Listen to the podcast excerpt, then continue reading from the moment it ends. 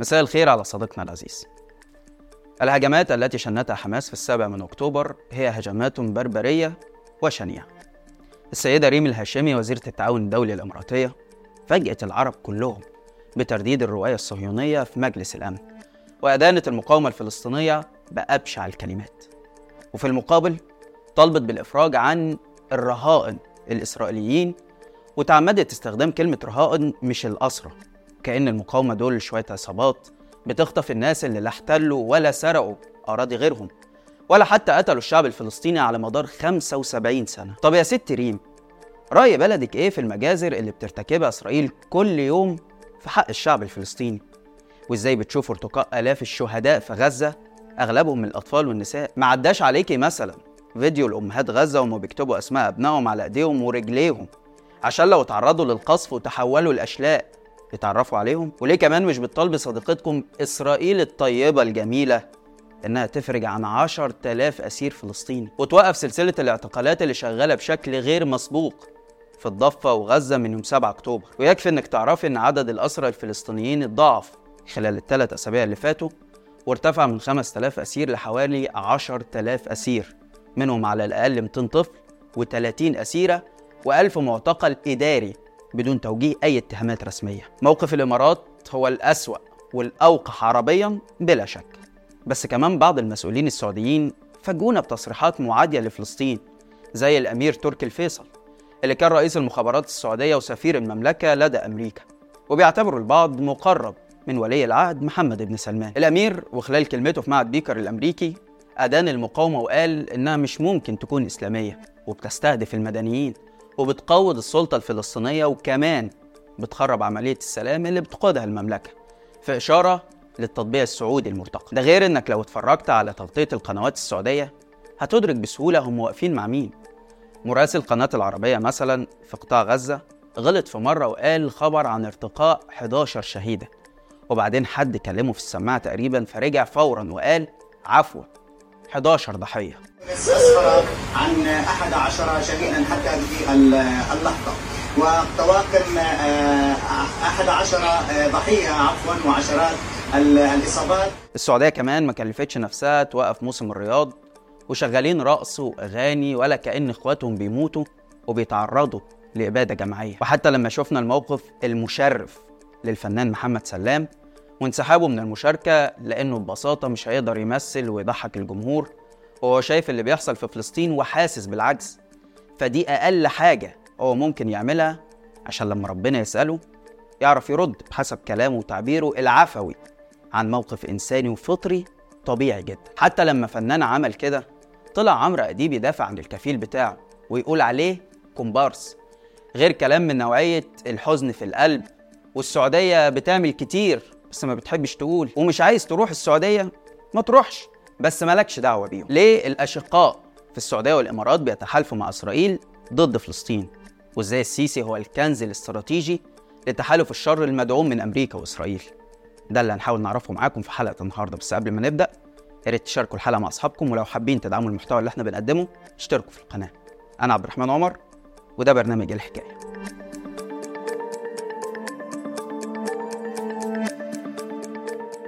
الهجمات التي شنتها حماس في السابع من أكتوبر هي هجمات بربرية وشنيعة ونطالبها بالإطلاق الفوري وغير المشروط لسراح الرهائن لحقن الدماء وتجنيب جميع المدنيين المزيد من الويلات. I categorically condemn Hamas's targeting of civilian targets of any age or gender, as it is accused of. Such targeting belies Hamas's claims to an Islamic identity. There is an Islamic injunction against the killing of innocent children, women, and elders. I condemn Hamas for sabotaging the attempt of Saudi Arabia to reach a peaceful resolution to the plight of the Palestinian people. أهلا بيكم السعودية والإمارات تريدان إضعاف حماس والحفاظ على أنظمة الحكم الدكتاتورية وفي نفس الوقت تحقيق السلام والإزدهار. إنها عملية توازن دقيقة وخطيرة. ده كلام مجلة الإيكونوميست في تقرير بعنوان لماذا تريد السعودية والإمارات الحفاظ على العلاقات مع إسرائيل؟ نبدأ بالإمارات. أول دولة خليجية تعترف بإسرائيل سنة 2020 وهي الدولة العربية الوحيدة اللي أصدرت بيانات تعاطف وتضامن مع دولة الاحتلال يوم 7 أكتوبر. وأجرى وزير خارجيتها عبد الله بن زايد اتصالات هاتفية مع إيلي كوهين وزير خارجية الاحتلال ويائير لبيد زعيم المعارضة في إسرائيل عشان يعزيهم في الضحايا اللي سقطوا بإيد المقاومة الفلسطينية. رغم كده الإمارات انضمت للدول العربية اللي أدانت إسرائيل بعد استهدافها المستشفى المعمداني في الجريمة اللي أوقعت 500 شهيد. بس الإيكونوميست بتقول لنا إن دي ليست سوى مسرحية دبلوماسية لأن العلاقات بين الجانبين قوية للغاية.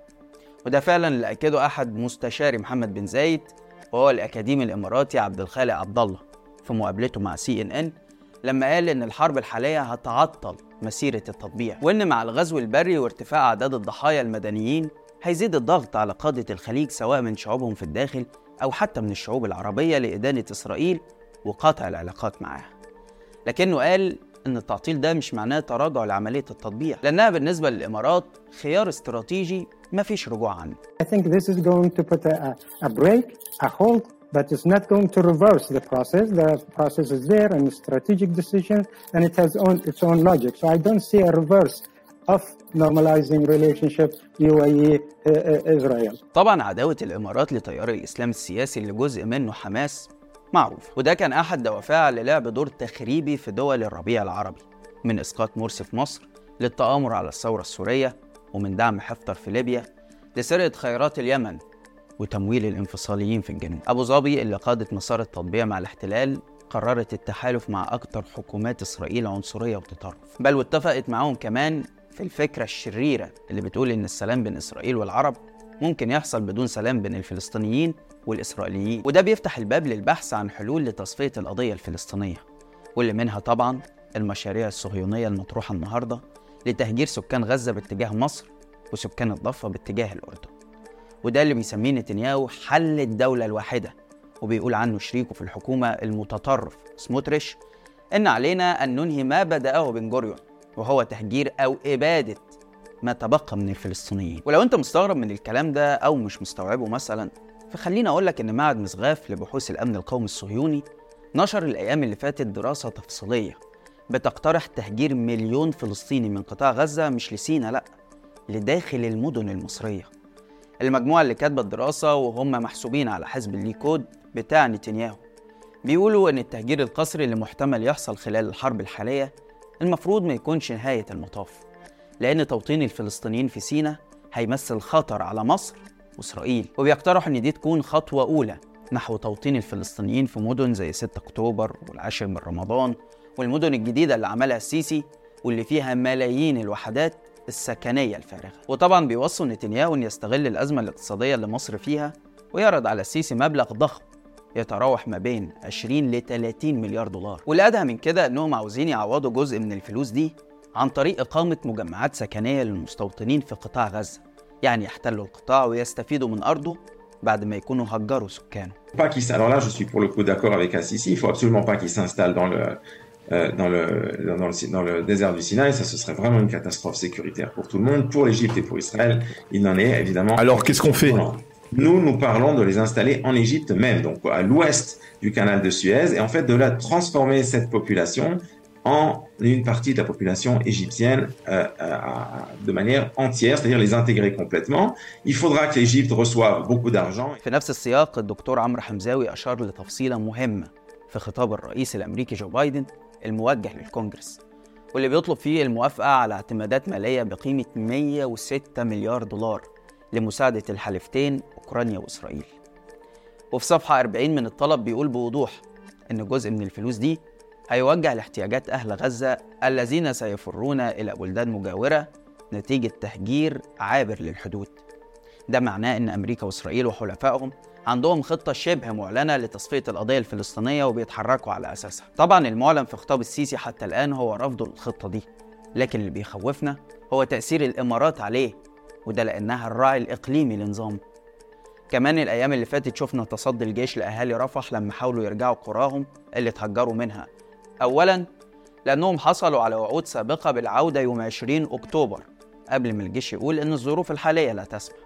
وثانيا لأنهم خايفين من الكلام اللي داير حوالين توطين الفلسطينيين لأن ده هيكون معناه نهاية حلم العودة بالنسبة ليهم. ضيف على ده كله بقى كلام السيسي لما قال لترامب إنه موافق ومتحمس لتنفيذ صفقة القرض اللي بتنص بكل وضوح على تصفية القضية الفلسطينية. هتجدني آه، وبقوة أيضا آه، داعم وبشدة. كل الجهود اللي هتبذل من أجل إيجاد حل لقضية القرن في صفقة القرن. اللي أنا متأكد إن فخامة الرئيس هيستطيع إنه ينجزها. ومن الإمارات نروح للسعودية.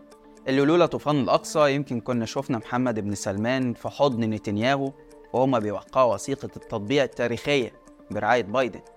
اللي قال إن هدف حماس هو منع التوصل لاتفاق سلام بين السعودية وإسرائيل وإنه كان على وشك الجلوس مع السعوديين اللي أرادوا الاعتراف بإسرائيل. طبعا من حقنا نسأل يعني إيه اتفاقية سلام بين جانبين عمرهم ما حاربوا بعض؟ وعلى رأي عبد الناصر لما قال أنا لا أتصور بأي حال من الأحوال أن المملكة السعودية تستطيع أن تحارب في فلسطين وفيها قاعدة أمريكية وقاعدة بريطانية. على السعودية أولا أن تحرر نفسها. تتفق أو تختلف مع عبد الناصر واللي عمله بس الجملة دي صعب تقول إنها مش صحيحة. وده ببساطة لأن طول السنة اللي فاتت أمريكا بتفاوض السعودية على الاعتراف بإسرائيل وإقامة علاقات رسمية معاها محمد بن سلمان طلب في المقابل توقيع اتفاقية دفاع مشترك مع أمريكا. هل ده خوف من إيران اللي المملكة أعادت علاقتها معاها بوساطة صينية؟ قد يكون. بس المهم إن السعودية تخلت من بدري عن القضية الفلسطينية لدرجة إنها بتشوف القضاء على حماس واحد من أهدافها المشتركة مع إسرائيل لأنها برضو بتتوجس من تقارب الحركة مع إيران. كمان السعودية خايفة من تصاعد الحرب وإنها تتحول لصراع إقليمي لأن ده من شأنه تهديد مصالحها. خاصة لما تعرف إن يوم 20 أكتوبر البحرية الأمريكية في البحر الأحمر اعترضت صواريخ كروز أطلقها الحوثيين من اليمن باتجاه دولة الاحتلال. بالتالي السعودية عايزة إسرائيل تقضي على قدرات المقاومة الفلسطينية بدون ما تجر المنطقة لحرب إقليمية تكون إيران طرف فيها. عشان كده بتشوف لفتات رمزية في كلامهم عن معاناة الشعب الفلسطيني مش إنهاء الاحتلال. وفي نفس الوقت استمرار للمحادثات السرية والهادئة مع إسرائيل. لما تفهم عقلية بن زايد وبن سلمان هتعرف كويس ليه السيسي بالنسبة ليهم هم وإسرائيل كنز استراتيجي. وده لأنه مأمن ليهم أكبر بلد عربي وأكتر شعب ليه عداوة مع دولة الاحتلال وبيتعرض لغاية النهاردة لتهديدات منها. مش بس القصف بتاع معبر رفح أو كرم أبو سالم ولا حتى خطط التهجير اللي بنتابعها لأ.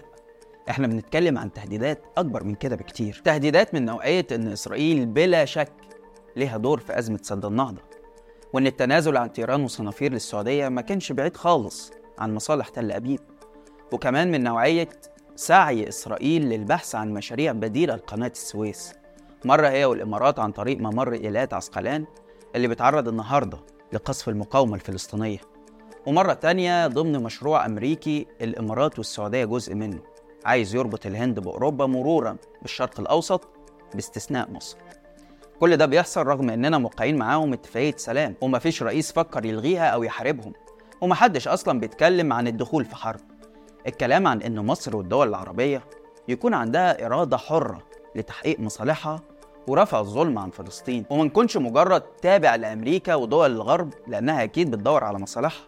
واللي بتلتقي دايما في منطقتنا مع مصلحة إسرائيل. وأدينا شايفين التجييش الغربي غير المسبوق لدعم الحرب حتى لو كان الثمن هو إبادة الشعب الفلسطيني وارتكاب جرائم حرب في حق المدنيين ومجازر في حق الأطفال. الغرب عشان يحقق هدفه بيتعامل النهارده مع الحكام العرب باعتبارهم أصحاب الحكمة. في مقابل الشعوب اللي بيتم النظر ليها بصورة بتقلل مننا كبني آدمين وبتشوف إننا همج غير متحضرين والعاطفة هي اللي بتحركنا. والأنظمة الدكتاتورية دي هي اللي بتحمينا من نفسنا. في النهاية معركة 7 أكتوبر حدث مزلزل في المنطقة والعالم كله وبالتأكيد ما قبله مش هيكون زي ما بعده وإحنا لسه بنشوف آثاره وبنكتشف نتائجه لكن الأكيد حتى الآن إنه ما كانش ضد الاحتلال بس لكن كمان كان ضد صهاينة العرب اللي حاولوا على مدار سنين طويلة إنهم يقضوا على روح الإرادة والتغيير عند الشعوب العربية. اللي أثبتت مرة تلو الأخرى إنها حية. ومصممة على انتزاع حقها الانساني سواء في المقاومة أو في الحرية والكرامة. بس كده. لحد هنا والحلقة خلصت. شارك الحلقة لو عجبتك وتابع حساب شباك وحسابي على الإنستجرام هتلاقي اللينك في الوصف. واستنانا كل يوم اثنين وجمعة الساعة 8 بالليل بتوقيت القاهرة في حلقة جديدة من برنامج إيه الحكاية؟ سلام.